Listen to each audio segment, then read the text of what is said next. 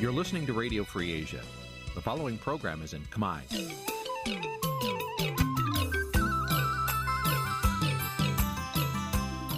Nǐ ជាកម្មវិធីផ្សាយ Vuthu Azizi Serai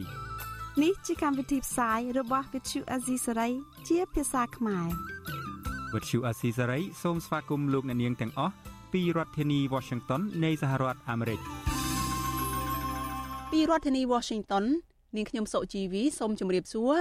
លោកអ្នកនាងកញ្ញាអ្នកស្ដាប់វិទ្យុអាស៊ីសេរីទាំងអស់ជាទីមេត្រីយើខ្ញុំសូមជូនកម្មវិធីផ្សាយសម្រាប់ព្រឹកថ្ងៃប្រហ័ស8កើតខែមិគសេឆ្នាំខាលចត្វាស័កពុទ្ធសករាជ2566ត្រូវនៅថ្ងៃទី1ខែធ្នូគ្រិស្តសករាជ2022ជាដំបូងនេះសូមអញ្ជើញលោកអ្នកនាងស្ដាប់ព័ត៌មានប្រចាំថ្ងៃដែលមានមេត្តាដូចតទៅ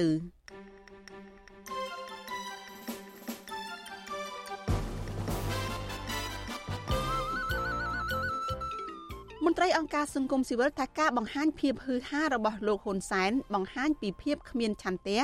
គិតគូរដល់ពលរដ្ឋក្រីក្រសហរដ្ឋអាមេរិកនិងអូស្ត្រាលីទាមទាររដ្ឋាភិបាលកម្ពុជាដោះលែងកញ្ញាឈឹមស៊ីធ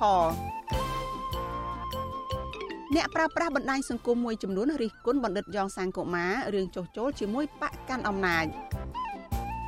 កសិករដាំមៀននៅខេត្តបាត់ដំបងត្អូញត្អែពីតម្លៃមៀនចុះថោកប៉ះពាល់ជីវភាពរួមនឹងព័ត៌មានសំខាន់សំខាន់មួយចំនួនទៀតចាជាបន្តទៅទៀតនេះនាងខ្ញុំសុជីវីសូមជូនព័ត៌មានទាំងនេះពិស្ដាលោកនាងកញ្ញាជាទីមេត្រី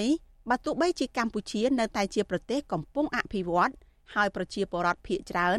មានជីវភាពក្រីក្រ និងក្បែរក្រីក្រ ក៏ប៉ុន្តែថ្នាក់ដឹកនាំរដ្ឋាភិបាល ជាពិសេសលោកនាយរដ្ឋមន្ត្រីហ៊ុនសែន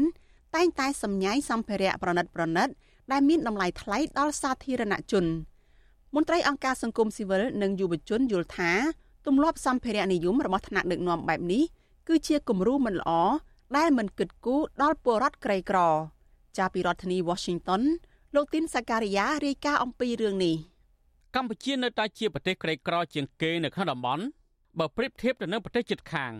នេះបើគិតពីផលចំណូលជាមធ្យមប្រចាំឆ្នាំរបស់បរិមម្នាក់ម្នាក់មានត្រឹមតែជិត1600ដុល្លារអាមេរិកតែប៉ុណ្ណោះទោះបីជាយ៉ាងណាលោកហ៊ុនសែនដែលបានដឹកនាំប្រទេសជិត40ឆ្នាំមកហើយនោះបែរជាសម្ញាញសម្ភារៈនិយមដែលមានតម្លៃថ្លៃបែបអភិជននិងរស់នៅក្នុងឆាកជីវិតបែបអ្នកមានស្ដុកស្ដំទៅវិញទោះបីជាលោកកើតមកក្នុងត្រកូលគ្រួសារកសិករនិងធ្លាប់ជួបការលំបាកក្រីក្រក៏ដោយ ក្នុងទូនាទីលោកជានាយករដ្ឋមន្ត្រីលោកហ៊ុនសែនដែលមានប្រាក់ខែតែជាង10លានរៀលឬប្រមាណជា2500ដុល្លារអាមេរិកក្នុងមួយខែនោះ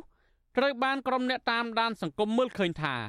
លោកនិងសមាជិកគ្រួសារសាច់ញាតិរបស់លោករស់នៅតាមបែបអភិជន ហើយមិនបានគិតគូរពីសុខទុក្ខរបស់ប្រជាពលរដ្ឋក្រីក្រនោះឡើយលោកហ៊ុនសែនជារឿយៗតែងតែសម្ញែងសម្ភារៈដែលមានតម្លៃថ្លៃថ្លៃមានដូចជាខ្សែក្រវ៉ាត់ស្បែកជើង និងសម្លៀកបំពាក់ ដែលមានតម្លៃចាប់ពីរាប់ពាន់ដុល្លារទៅដល់រាប់ម៉ឺនដុល្លារឯណោះជាមួយគ្នានេះលន់សានក៏ជាអ្នកឆ្លុះវង្វេងជាមួយនាឡិកាដៃម៉ាកល្បីល្បីដែលមានតម្លៃរហូតដល់រាប់លានដុល្លារឯណោះដែរដូចជានាឡិកាដៃម៉ាក Patek Philippe តម្លៃ1លាន2សែនដុល្លារនិងម៉ាក Richard Mille ដែលមានតែ55គ្រឿងលើពិភពលោកនិងនាឡិកាដៃផ្សេងផ្សេងទៀតមានតម្លៃសរុបទៅដល់ជាង9លានដុល្លារអាមេរិក ដោយសារតែលោកហ៊ុនសែនឆ្លុះអង្វែងនឹងនាឡិកាដៃដ៏ប្រណិតទាំងនេះក្នុងនាមលោកធ្វើជាប្រធានអាស៊ានបដូវវេននៅឆ្នាំ2022នេះលោកហ៊ុនសែនក៏បានបញ្ជាទិញផលិតនាឡិកាដៃក្នុងតម្លៃជាង20,000ដុល្លារដែរក្នុងមួយគ្រឿងលោកឲ្យគេផលិតទាំងអស់ចំនួន25គ្រឿងសម្រាប់ចែកជូនដល់ថ្នាក់ដឹកនាំដែលមកចូលរួមក្នុងកិច្ចប្រជុំកំពូលអាស៊ានកាលពីខែវិច្ឆិកាកន្លងទៅការចំណាយថវិកាជាតិដ៏ច្រើនបែបនេះត្រូវបានគេមើលឃើញថាគឺជាការចំណាយដ៏ខ្ជិះខ្ជាយ គណៈកសិករដែលរងគ្រោះដោយសារតែទឹកជំនន់ក្នុងឆ្នាំ2022នេះដែលមានជាង100,000គ្រួសារប៉ុន្តែពួកគេទទួលបានជំនួយក្របពូជនិងអំណោយពីរដ្ឋាភិបាលបន្តិចបន្តួចត្រឹមតែជាង20,000គ្រួសារប៉ុណ្ណោះចំណែកឯភរិយារបស់លោកហ៊ុនសែនវិញគឺអ្នកស្រីប៊ុនរនីហ៊ុនសែនក៏ត្រូវបានគេមើលឃើញថាឆ្លុះវង្វេងនឹងសម្ភារៈនិយមដែរកាលពីឆ្នាំ2021កន្លងទៅគណៈប្រជាពលរដ្ឋកំពុងតែប្រឈមនឹងជីវភាពលំបាក ដោយសារតែការរីករាលដាលនៃជំងឺ Covid-19 ផងនោះអ្នកស្រីប៊ុនរនីបែជាបង្ហាញសម្លៀកបំពាក់និងគ្រឿងអលង្ការដែលមានតម្លៃរាប់សិបម៉ឺនដុល្លារទៅវិញសម្ភារៈនិយមទាំងនោះរួមមានអាវយឺតម៉ាក Versace តម្លៃជិត700ដុល្លារខ្សែក្រវ៉ាត់ម៉ាក Hermes មួយតម្លៃជាង1000ដុល្លារនិងគ្រឿងអលង្ការដែលពាក់នៅលើដងខ្លួនផ្សេងផ្សេងទៀតជាមួយគ្នានេះកូនកូនរបស់លោកហ៊ុនសែនវិញក៏មានទ្រព្យសម្បត្តិមហាសាលដែរ ដោយពួកគេបានទិញផ្ទះនៅអាមេរិកមានតម្លៃរាប់សែនដុល្លារតាំងពីឆ្នាំ2000មកម្លេះកូនកូនទាំង4នាក់របស់លោកហ៊ុនសែនគឺលោកហ៊ុនម៉ាណែតដែលពេលនោះ មានអាយុត្រឹមតែ23ឆ្នាំនៅស្រីហ៊ុនម៉ាណា កាលនៅអាយុ20ឆ្នាំលោកហ៊ុនម៉ាណិតអាយុ19ឆ្នាំនិងលោកហ៊ុនម៉ាណីមានអាយុមិនទាន់គ្រប់18ឆ្នាំផង ពួកគេបានរួមគ្នាទិញផ្ទះមួយខ្នងនៅជាយក្រុងញូវយ៉កក្នុងតម្លៃទឹកប្រាក់សរុបជាង5សែនដុល្លារ ផ្ទុយពីការលើកឡើងរបស់ថ្នាក់ដឹកនាំរដ្ឋាភិបាលដែលតែងតែលើកឡើងថាបញ្ហាអតិភិបដ៏សំខាន់របស់រដ្ឋាភិបាលគឺកាត់បន្ថយភាពក្រីក្រនោះប៉ុន្តែការដឹកនាំប្រទេសរបស់លោកហ៊ុនសែនបានធ្វើឲ្យមានគម្លាតអ្នកមាននិងអ្នកក្រកាន់តែឃ្លាតឆ្ងាយពីគ្នាហើយមានតែក្រុមគ្រួសារនិងក្រុមបកពួករបស់លោកហ៊ុនសែនប៉ុណ្ណោះដែលក្លាយជាមហាសេដ្ឋីនិងរស់នៅបែបអភិជនវិទ្យុអាស៊ីសេរីមិនអាចតតងแนะនាំពាក្យរដ្ឋាភិបាលលោកផៃសិផាន ដើម្បីបកស្រាយអំពីរឿងនេះបានទេកាលពីថ្ងៃទី30វិច្ឆិកាជុំវិញនឹងរឿងនេះអ្នកនាំពាក្យសមាគមការពារសិទ្ធិមនុស្សអាត60លោកសង្សានករណាយល់ឃើញថាការសម្ញែងសម្ភារៈនិយមទ្រព្យសម្បត្តិរាប់លានដុល្លាររបស់ថ្នាក់ដឹកនាំប្រទេសគឺជារឿងមិនសមទំនងនោះឡើយព្រោះប្រជាពលរដ្ឋជាច្រើនកំពុងតែរស់នៅក្នុងស្ថានភាពក្រីក្រ ខ្វះអាហារបរិភោគមានប្រជាពលរដ្ឋរាប់លាននាក់ប្រត់ប្រាស់គ្រួសារចំណាក់ស្រុកទៅធ្វើការនៅក្រៅប្រទេស ដើម្បីរកលុយមកសងបំណុលជំពាក់ធនាគារលោកបន្ថែមថាការសម្ញែងសម្ភារៈទំនើបដែលមានតម្លៃខ្ពស់របស់មន្ត្រីជាន់ខ្ពស់បែបនេះគឺជាគំរូមិនល្អដែលបង្កឲ្យមានទម្លាប់ប្រកួតប្រជែងគ្នាទៅលើសម្ភារៈនិយមនិងមិនបានគិតគូរអំពីសុខទុក្ខរបស់ប្រជាពលរដ្ឋ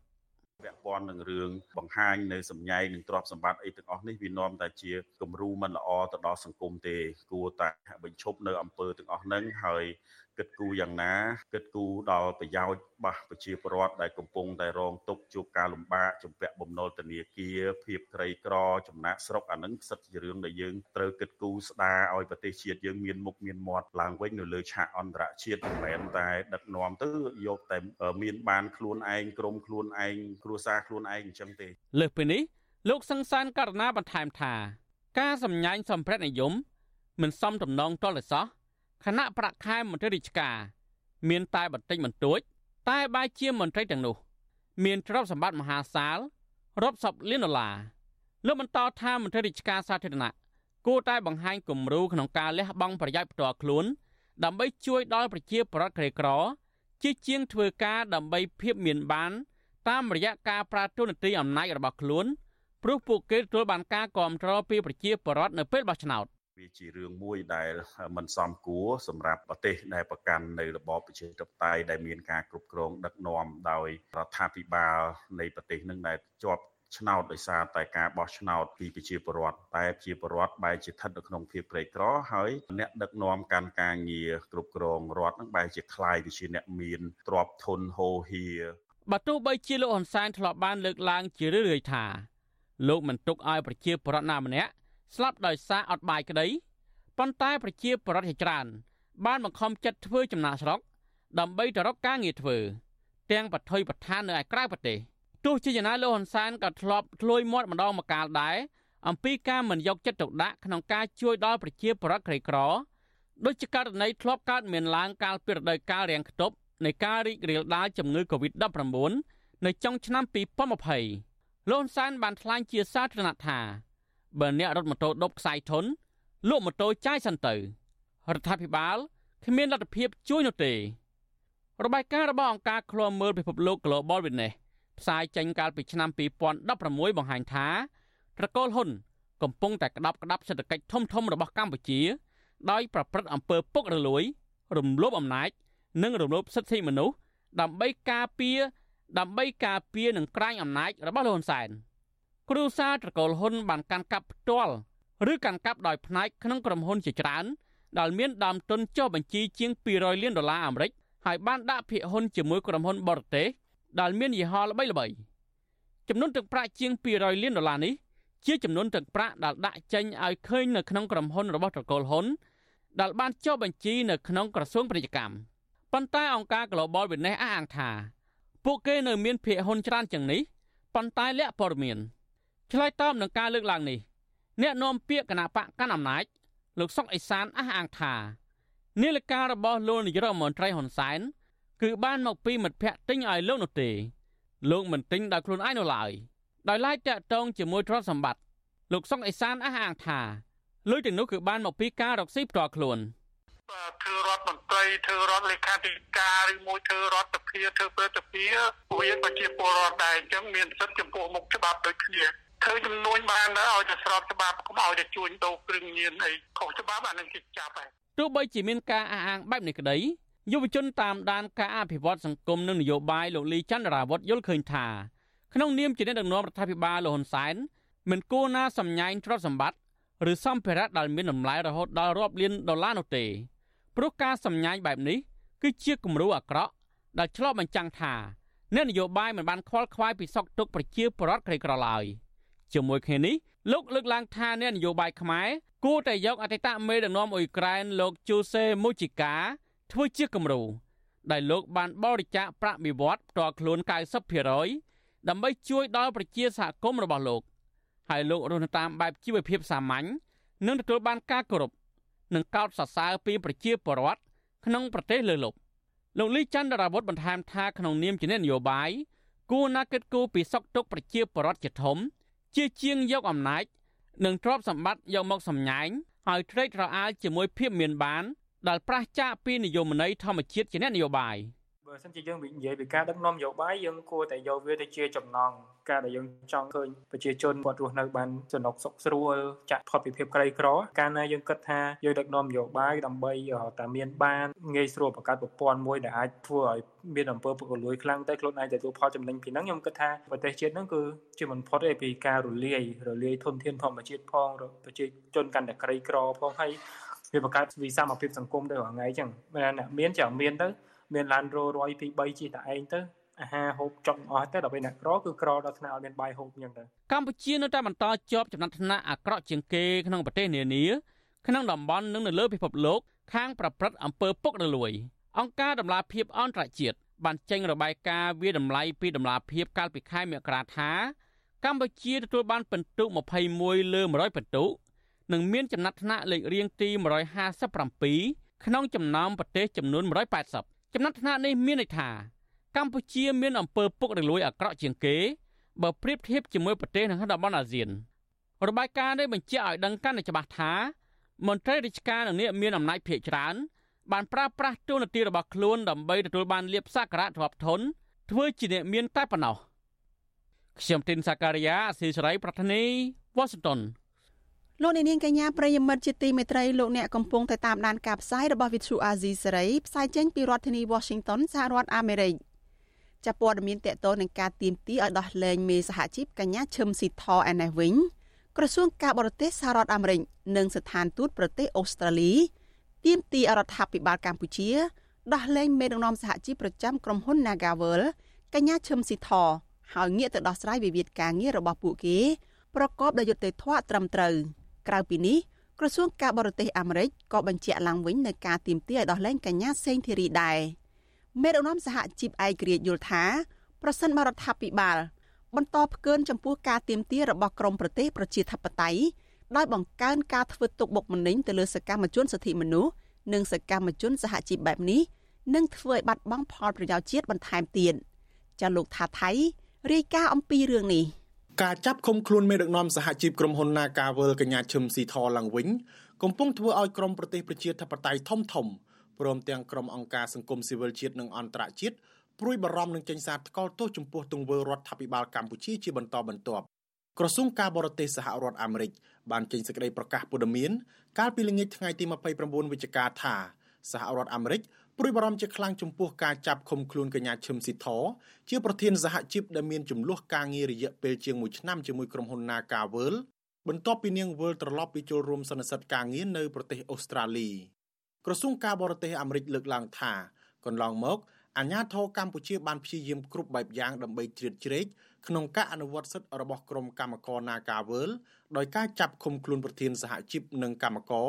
ដោយសារការតវ៉ាពាក់ព័ន្ធនឹងការបញ្ឈប់ពួកគេពីការងារទាំងបំពេញច្បាប់សហរដ្ឋអាមេរិកជំរុញឲ្យអាជ្ញាធរកម្ពុជាដោះលែងកញ្ញាឈឹមស៊ីថននិងសហជីពកម្មករដែលកំពុងជាប់ឃុំទាំងអស់ដោយសារការប្រើប្រាស់សេរីភាពបង្កើតសមាគមនិងការជួបប្រជុំដោយសន្តិវិធីហើយលុបចោលរាល់ការចាត់ប្រកាន់លើពួកគេនិងឈានទៅដោះស្រាយវិវាទការងារប្រកបដោយការស្ថាបនា ទន្ទឹមគ្នានេះសហរដ្ឋអាមេរិកក៏អំពាវនាវជាថ្មីទៀតឲ្យរដ្ឋាភិបាលកម្ពុជាដោះលែងសកម្មជនសិទ្ធិមនុស្សនិងជាពលរដ្ឋអាមេរិកកាំងដើមកំណត់ខ្មែរកញ្ញាសេងធីរីបន្ទាប់ពីរដ្ឋាភិបាលលោកហ៊ុនសែននៅតែរក្សាភាពស្ងៀមស្ងាត់មិនទាន់ឆ្លើយតបជាវិជ្ជមានតាមការស្នើសុំពីប្រធានាធិបតីសហរដ្ឋអាមេរិកលោកโจ Biden ក្រសួងការបរទេសអាមេរិកសង្កត់ធ្ងន់ថារដ្ឋាភិបាលកម្ពុជា ត្រូវបំពេញកាតព្វកិច្ចនិងការបដិញ្ញាចិត្តរបស់ខ្លួនក្នុងការលើកកម្ពស់សិទ្ធិការងារនិងត្រូវដោះស្រាយជាបន្ទាន់នៅវិវាទការងាររវាងក្រុមហ៊ុន Nagavel និងសហជីពដែលតំណាងឲ្យក្រុមបុគ្គលិកដែលត្រូវបានបញ្ឈប់ពីការងារ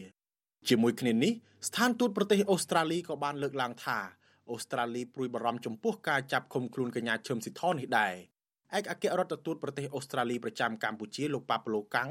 បង្ហោះលើបណ្ដាញសង្គម Twitter ថា លោកបានលើកឡើងរឿងនេះជាមួយរដ្ឋមន្ត្រីក្រសួងយុតិធម៌លោកកើតរិទ្ធរួចរាល់ហើយអំពីមូលដ្ឋានមិនច្បាស់លាស់នៃការចាប់ឃុំខ្លួនកញ្ញាឈឹមស៊ីធស្ថានទូតអូស្ត្រាលីបន្តអំពាវនាវឲ្យក្រសួងពាក់ព័ន្ធរបស់រាជរដ្ឋាភិបាលកម្ពុជាធ្វើការសម្របសម្រួលរោគដំណោះស្រាយដោយយុតិធម៌និងសមត្ថភាពរវាងបុគ្គលិកនិងក្រុមហ៊ុន Nagavel នេះក៏ដូចជាការធានាថាសិទ្ធិនយោបាយនិងសិទ្ធិការងារត្រូវបានការពារការប្រកាសរបស់ស្ថានទូតអូស្ត្រាលីនេះ ធ្វើឡើងបន្ទាប់ពីសមាជិកសភាជាន់ខ្ពស់អូស្ត្រាលីលោក Julian Hill កាលពីថ្ងៃទី28ខែវិច្ឆិកាបានថ្លែងក្នុងរដ្ឋសភាសហព័ន្ធនៅទីក្រុងកង់បេរ៉ាដោយស្នើឲ្យរដ្ឋមន្ត្រីក្រសួងការបរទេសអូស្ត្រាលីអ្នកស្រី Penny Wong ធ្វើការជាមួយស្ថានទូតអូស្ត្រាលីប្រចាំនៅកម្ពុជាដើម្បីលើកឡើងអំពីការចាប់ខ្លួនកញ្ញាឈឹមស៊ីធនេះឡើងលោក Julian Hill ចាត់ទុកថាការចាប់ឃុំខ្លួនស្ត្រីមេដឹកនាំសហជីពរូបនេះគឺជារឿងហួសចិត្ត និងជាអបតវៈហេតុថ្មីមួយទៀតនៃរបបជើងកាងលោកហ៊ុនសែនក្នុងការវាយប្រហារលើមេដឹកនាំសហជីពដោយសារតែការបំពេញការងាររបស់ពួកគេសមាជិកសភាជាន់ខ្ពស់អូស្ត្រាលីរូបនេះទាមទារឲ្យរដ្ឋាភិបាលលោកហ៊ុនសែនដែលលោកហៅថាជារបបជើងកាងនោះត្រូវប្រគល់សេរីភាពដល់កញ្ញាឈឹមស៊ីធឡើងវិញកញ្ញាឈឹមស៊ីធត្រូវបានអាជ្ញាធរចាប់ឃុំខ្លួនជាលើកទី2កាលពីព្រឹកថ្ងៃទី26ខែវិច្ឆិកានៅប្រលានយន្តហោះអន្តរជាតិភ្នំពេញ ក្រោយពីនាងវិលត្រឡប់ពីចូលរួមកិច្ចប្រជុំសហជីពអន្តរជាតិនៅប្រទេសអូស្ត្រាលីជុំវិញករណីនេះវិទ្យុអាស៊ីសេរីមិនអាចសុំការឆ្លើយតបពីប្រធានអង្គភិបអ្នកណែនាំពាក្យរដ្ឋាភិបាលលោកផៃស៊ីផាននិងអ្នកនាំពាក្យក្រសួងយុតិធម៌លោកចិនម៉ាលីនបានទេនៅថ្ងៃទី30ខែវិច្ឆិកាដោយទូរស័ព្ទចូលពុំមានអ្នកទទួលវិទ្យុអាស៊ីសេរីក៏មិនអាចសុំការឆ្លើយតបពីប្រធានតុលាការក្រុងភ្នំពេញលោកតាំងសុនឡាយបានដែរ ក៏ប៉ុន្តែតុលាការក្រុងភ្នំពេញបានចេញលិខិតបកស្រាយកាលពីល្ងាចថ្ងៃទី29ខែវិច្ឆិកាថាការចាប់ឃុំខ្លួនកញ្ញាឈឹមស៊ីធននេះព្រោះនាងបានចាក់ចេញពីកម្ពុជាដោយគ្មានការអនុញ្ញាតពីចៅក្រមស៊ើបស៊ូដែលជាការបំពានកាតព្វកិច្ចនៃការត្រួតពិនិត្យតាមផ្លូវតុលាការក៏ប៉ុន្តែកញ្ញាឈឹមស៊ីធននិងមេធាវីអះអាងថាពួកគាត់មិនដែលបានដឹងអំពីលក្ខខណ្ឌរបស់តុលាការនេះទេហើយមុនពេលចាក់ចេញពីកម្ពុជាទៅក្រៅប្រទេសនេះសមត្ថកិច្ចដែលត្រួតពិនិត្យឯកសារឆ្លងដែន ក៏មិនបានហាមឃាត់កញ្ញាដែរប្រធានសហភាពសហជីពកម្ពុជាលោករងឈុនគាំទ្រចំពោះការទៀមទីរបស់សហរដ្ឋអាមេរិកនិងអូស្ត្រាលីដែលចង់ឲ្យមានការដោះលែងកញ្ញាឈឹមស៊ីធនិងកញ្ញាសេងធារី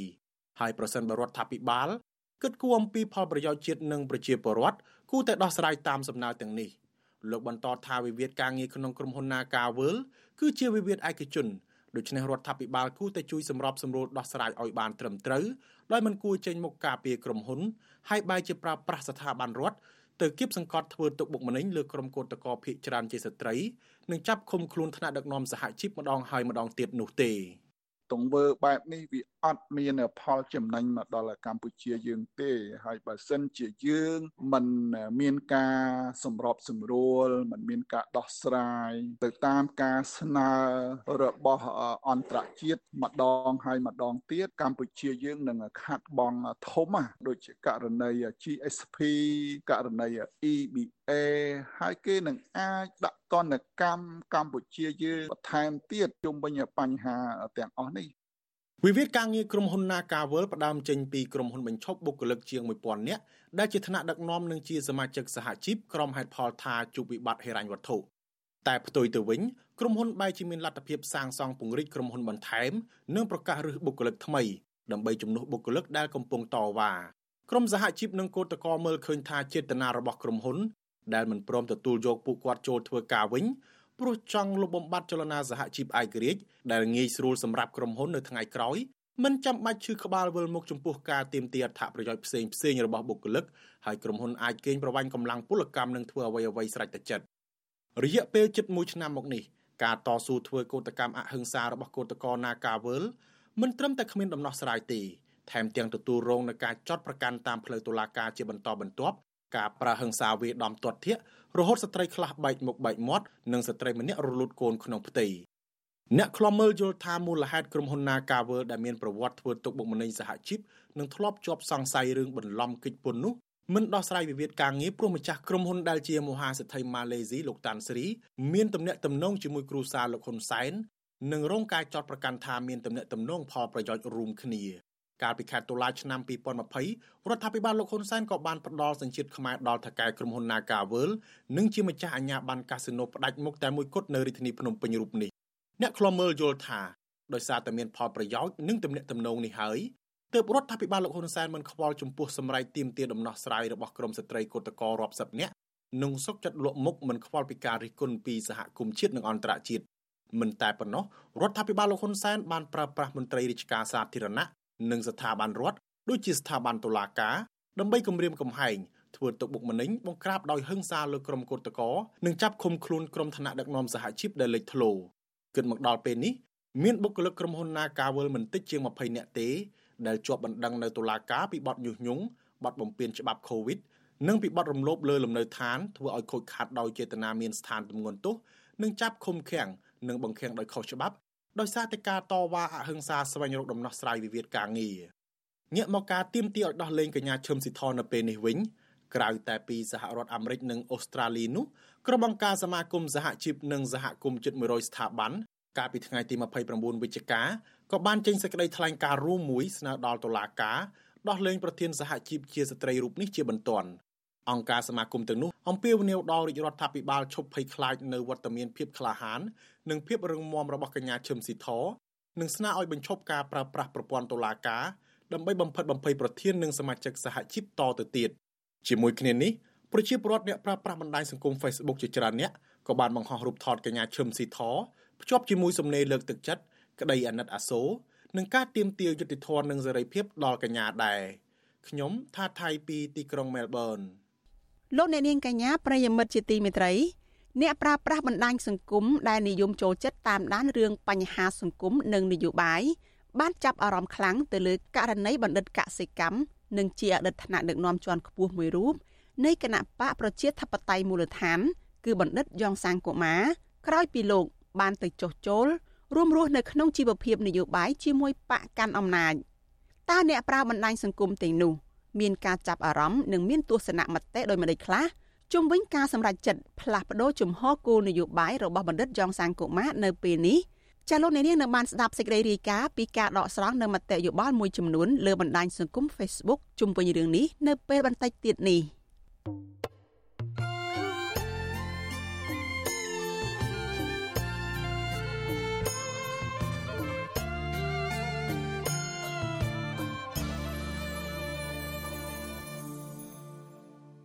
ចលនានាងកញ្ញាប្រិយមិត្តជាទីមេត្រីចាងាកមកព័ត៌មានតកតងនឹងវិស័យសុខាភិបាលនិងការទៅរកសេវាសង្គ្រោះនៅមន្ទីរពេទ្យឯនេះវិញ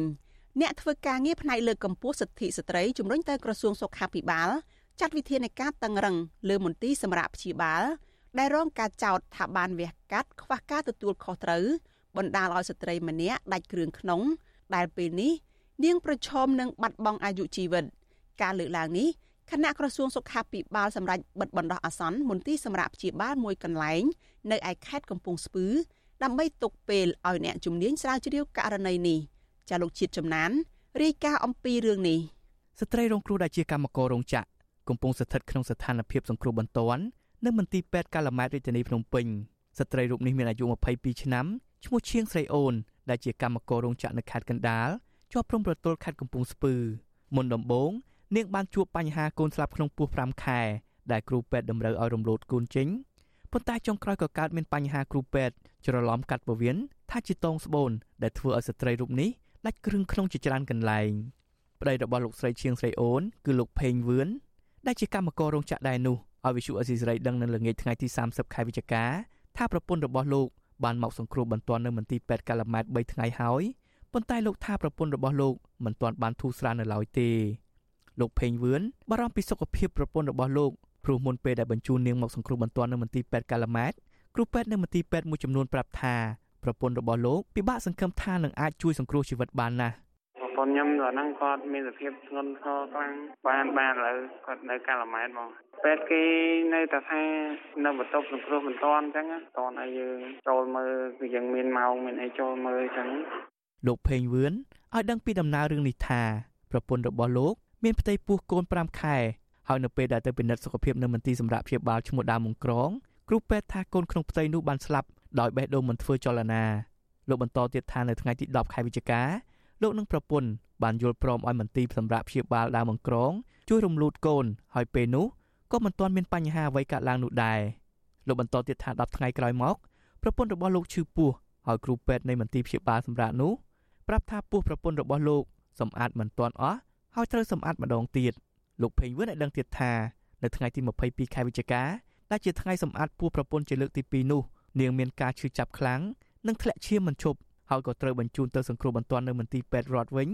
គឺមន្ទីរពេទ្យស្រឡាញ់ទារកឬហៅថាពេទ្យជប៉ុនលោកថាគ្រូពេទ្យប្រាប់លោកថាប្រពន្ធរបស់លោកប្រឈមនឹងការបាត់បង់ជីវិតព្រោះនាងបានដាច់ស្បូននិងពោះវៀនជាច្រើនកន្លែងលោកបន្តទៀតថានៅពេលដែលគ្រូពេទ្យប្រាប់ដូច្នេះ លោកក៏បញ្ជូនប្រពន្ធទៅសង្គ្រោះនៅប្រទេសវៀតណាមបន្តទៀតហើយគ្រូពេទ្យវៀតណាមក៏ប្រាប់ដែរថាប្រពន្ធរបស់លោកដាច់គ្រឿងក្នុងដែរបរិសុទ្ធជាប្តីរូបនេះក៏សម្រេចដឹកប្រពន្ធមកខ្មែរវិញលោកថានៅពេលដែលដឹកប្រពន្ធមកដល់ផ្ទះគឺលោកអស់សង្ឃឹមទៅហើយហើយប្រពន្ធរបស់លោកនៅតែឈឺចាប់ហើយនាងប្រាប់ថាគាត់មិនអាចដេករងចាំស្លាប់ទេហើយលោកក៏សម្រេចបញ្ជូនប្រពន្ធមកព្យាបាលនៅមន្ទីរពេទ្យកាឡាម៉ែត ថានៅសល់តិចជួយក៏គេហ្នឹងគេសុំសម្អាតម្ដងទៀតពេលគេសម្អាតទៅចេះតែទាញវាទៅច្រើនទៅវាទៅច្រើនទៅពេលខ្ញុំក៏សួរថាអ្នកគ្រូពេទ្យអាហ្នឹងអីគេខ្លះបានអីក៏ច្រើនម៉េចហើយអ្នកគ្រូពេទ្យហ្នឹងថាតងសពពេលគេប្រជុំមកដល់មន្ទីរពេទ្យជប៉ុនដល់ពេលវះកាត់ទៅគេថាអស់ពោះវៀនអស់អីហើយគេជួយអត់បានបានបានពេទ្យជប៉ុនគេថាមនុស្សអស់គ្រឿងក្នុងអស់ពោះវៀនអស់អីហើយគេជួយអត់បានអញ្ចឹងណាតកតនឹងករណីនេះ នាយិកាអង្គការក្លាហាន អ្នកស្រីប៊ុនរចនាលើកឡើងថាករណីនេះគឺជារឿងសោកសៅនិងតក់ស្លុតដែលអាចធ្វើឲ្យស្ត្រីរូបនោះប្រឈមនឹងការបាត់បង់ជីវិតអ្នកធ្វើការងារតាក់ទងនឹងការលើកកម្ពស់ស្ត្រីរូបនេះជំរុញឲ្យមានការអនុវត្តច្បាប់លើមន្ទីរ clinic ឯកជននោះអ្នកស្រីបន្តទៀតថាការធ្វើប្រហែសក៏ជាបទល្មើសនោះដែរហើយប្រសិនបើក្រសួងសុខាភិបាលមិនការពារនិងដោះស្រាយបញ្ហានេះឲ្យទាន់ពេលនោះករណីបែបនេះអាចនឹងកើតមានដដែលដដែលទៀត ក្រៅពីការដាក់ពិន័យឬក៏ដកអាជ្ញាប័ណ្ណទៅលើទៅនៅតាមមន្ទីរ clinic ណាមួយដែលគាត់អត់បានយកចិត្តទុកដាក់ខ្ពស់ហ្នឹងគួរតែពិនិត្យពិច័យទៅលើការអនុវត្តច្បាប់ដែលមាននៅក្នុងក្រមព្រំដែនរបស់យើងដែរព្រោះការគាត់ទង្វើនៃការធ្វើប្រហែសណាមួយដែលធ្វើឲ្យបាត់បង់អាយុជីវិតឬក៏បង្កនៅពិការភាពទៅដល់បុគ្គលណាមួយដោយសារតែសេវារបស់ខ្លួនដែលមានការធ្វើប្រហែសហ្នឹងវាជាទោសទណ្ឌដែរស្រដៀងគ្នានេះដែរ ប្រធានអង្គការសម្ព័ន្ធភាពការពារសិទ្ធិមនុស្សកម្ពុជាហៅកាត់ថាច្រាក់លោករស់សុថាយល់ថាការច្រឡំកាត់ពោះវៀនថាជាតងសុកគឺអាចកើតឡើងដោយសារតែពេទ្យធ្វើការខ្វះវិជ្ជាជីវៈគ្មានស្មារតីរឹងមាំក្នុងការវះកាត់បូករួមទាំងបញ្ហាឧបករណ៍សម្ភារៈផងដែរលោកបន្តទៀតថារដ្ឋាភិបាលឬក្រសួងសុខាភិបាលមុនពេលអនុញ្ញាតឲ្យ clinic ឯកជនបើកធ្វើអាជីវកម្មគួរមានការពិនិត្យដិតដល់ដើម្បីធានាថាការធ្វើអាជីវកម្មនោះនឹងមិនបង្កគ្រោះថ្នាក់ ជាជាបញ្ហាបន្ទុកបរិរដ្ឋាភិបាលត្រូវពិនិត្យទៅលើគុណភាពសេវាកម្មនឹងឯងតាមទស្សនៈខ្ញុំហ្នឹងគឺថាមុនឲ្យคลิกនិចមួយនឹងគេថាធ្វើបម្រើសេវានឹងបានលុះត្រាតែគ្រប់តផ្នែកវិនិច្ឆ័យសុខាភិបាលអីខ្លះអញ្ចឹងណាគ្រូពេទ្យទាំងឡាយត្រូវមានគេហៅថាឆ្លងកាត់នៅបទពិសោធន៍អីខ្លះណាទើបអាចឲ្យទៅមកធ្វើការអញ្ចឹងបើមិនអញ្ចឹងទេអាចជាបញ្ហាសេវាកម្មមួយដែលមានគ្រោះថ្នាក់សម្រាប់ប្រជាជនកម្ពុជាវិទ្យុអស៊ីសេរីមិនអាចសុំការឆ្លើយតបពីអ្នកនាំពាក្យក្រសួងសុខាភិបាល អ្នកស្រីអោវិនឌិនបានទេនៅថ្ងៃទី30ខែវិច្ឆិកាទោះជាយ៉ាងណាក្រសួងសុខាភិបាលសម្រាប់បិទបណ្ដោះអាសន្នមន្ទីរពេទ្យសម្រាប់ព្យាបាលឯកជនដែលមានបញ្ហានោះសេចក្តីសម្រេចរបស់ក្រសួងសុខាភិបាលចុះកាលពីថ្ងៃទី29ខែវិច្ឆិកាឲ្យដឹងថាមន្ទីរសម្រាប់ព្យាបាលឈ្មោះដើមមុំក្រងមានទីតាំងនៅស្រុកកងពិសីខេត្តកំពង់ស្ពឺដែលមានអ្នកស្រីវិជ្ជបណ្ឌិតសួសច័ន្ទរស្មីជាអ្នកទទួលខុសត្រូវក្រសួងសុខាភិបាលបានដឹងទៀតថាការបិទបណ្ដោះអាសន្ននេះដើម្បីសិក្សាស្រាវជ្រាវឲ្យបានច្បាស់លាស់ ដើម្បីចាត់ការតាមច្បាប់ជាធរមានទោះជាបែបនេះក្តីក្រសួងសុខាភិបាលមិនបានបញ្ជាក់លម្អិតអំពីដំណើររឿងនេះឲ្យបានច្បាស់លាស់ដូចជាការចែករំលែកព័ត៌មានតាមបណ្ដាញសង្គម Facebook ដែលថាមន្ទីរសម្រាប់ព្យាបាលនេះបានច្រឡំកាត់ពោះវៀនថាជាតងស្បូនក្នុងពេលរំលូតកូនឲ្យស្ត្រីនោះឡើយករណីនេះខ្ល้ายជាការចាប់អារម្មណ៍ពីអ្នកប្រើប្រាស់បណ្ដាញសង្គម Facebook ដោយពួកគេបានចែករំលែកព័ត៌មាននេះជាបន្តបន្ទាប់ក្នុងរយៈពេលប្រមាណថ្ងៃនេះនៅពេលដែលក្រសួងសុខាភិបាល បង្ហោះសេចក្តីសម្រេចពីការផ្អាកមន្ទីរសម្រាប់ព្យាបាលនេះតាមទំព័រ Facebook ក៏មានអ្នកប្រើប្រាស់បណ្ដាញសង្គមខ្លះបញ្ចេញមតិ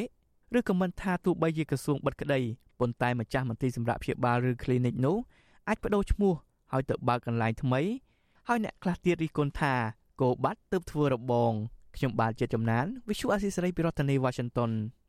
លោកអ្នកនាងកញ្ញាប្រិយមិត្តជាទីមេត្រីចាត់តាក់ទងនឹងករណីស្ត្រីមានផ្ទៃពោះមានបញ្ហាសុខភាពធ្ងន់ធ្ងរ ឬស្ទើរតែបាត់បង់អាយុជីវិតដោយសារតែការទៅរកសេវារំលូនកូននៅក្នុងផ្ទៃនេះចាសសូមអញ្ជើញលោកអ្នកនាងរងចាំស្ដាប់បទសម្ភាសជាមួយអ្នកជំនាញសុខភាពនៅយប់ថ្ងៃប្រហ័សនេះដែលយើងនឹងជជែកអំពីបញ្ហានានាតាក់ទងនឹងការទទួលខុសត្រូវរបស់គ្រូពេទ្យនិងការសម្រេចចិត្តរបស់ស្ត្រី ដើម្បីបង្ការមិនឲ្យមានបញ្ហាបែបនេះកើតឡើងចាសសូមអញ្ជើញលោកអ្នកនាងរងចាំតាមដានបទសម្ភាសនេះនៅក្នុងការផ្សាយរបស់យើងនៅយប់នេះកុំបីខាន Música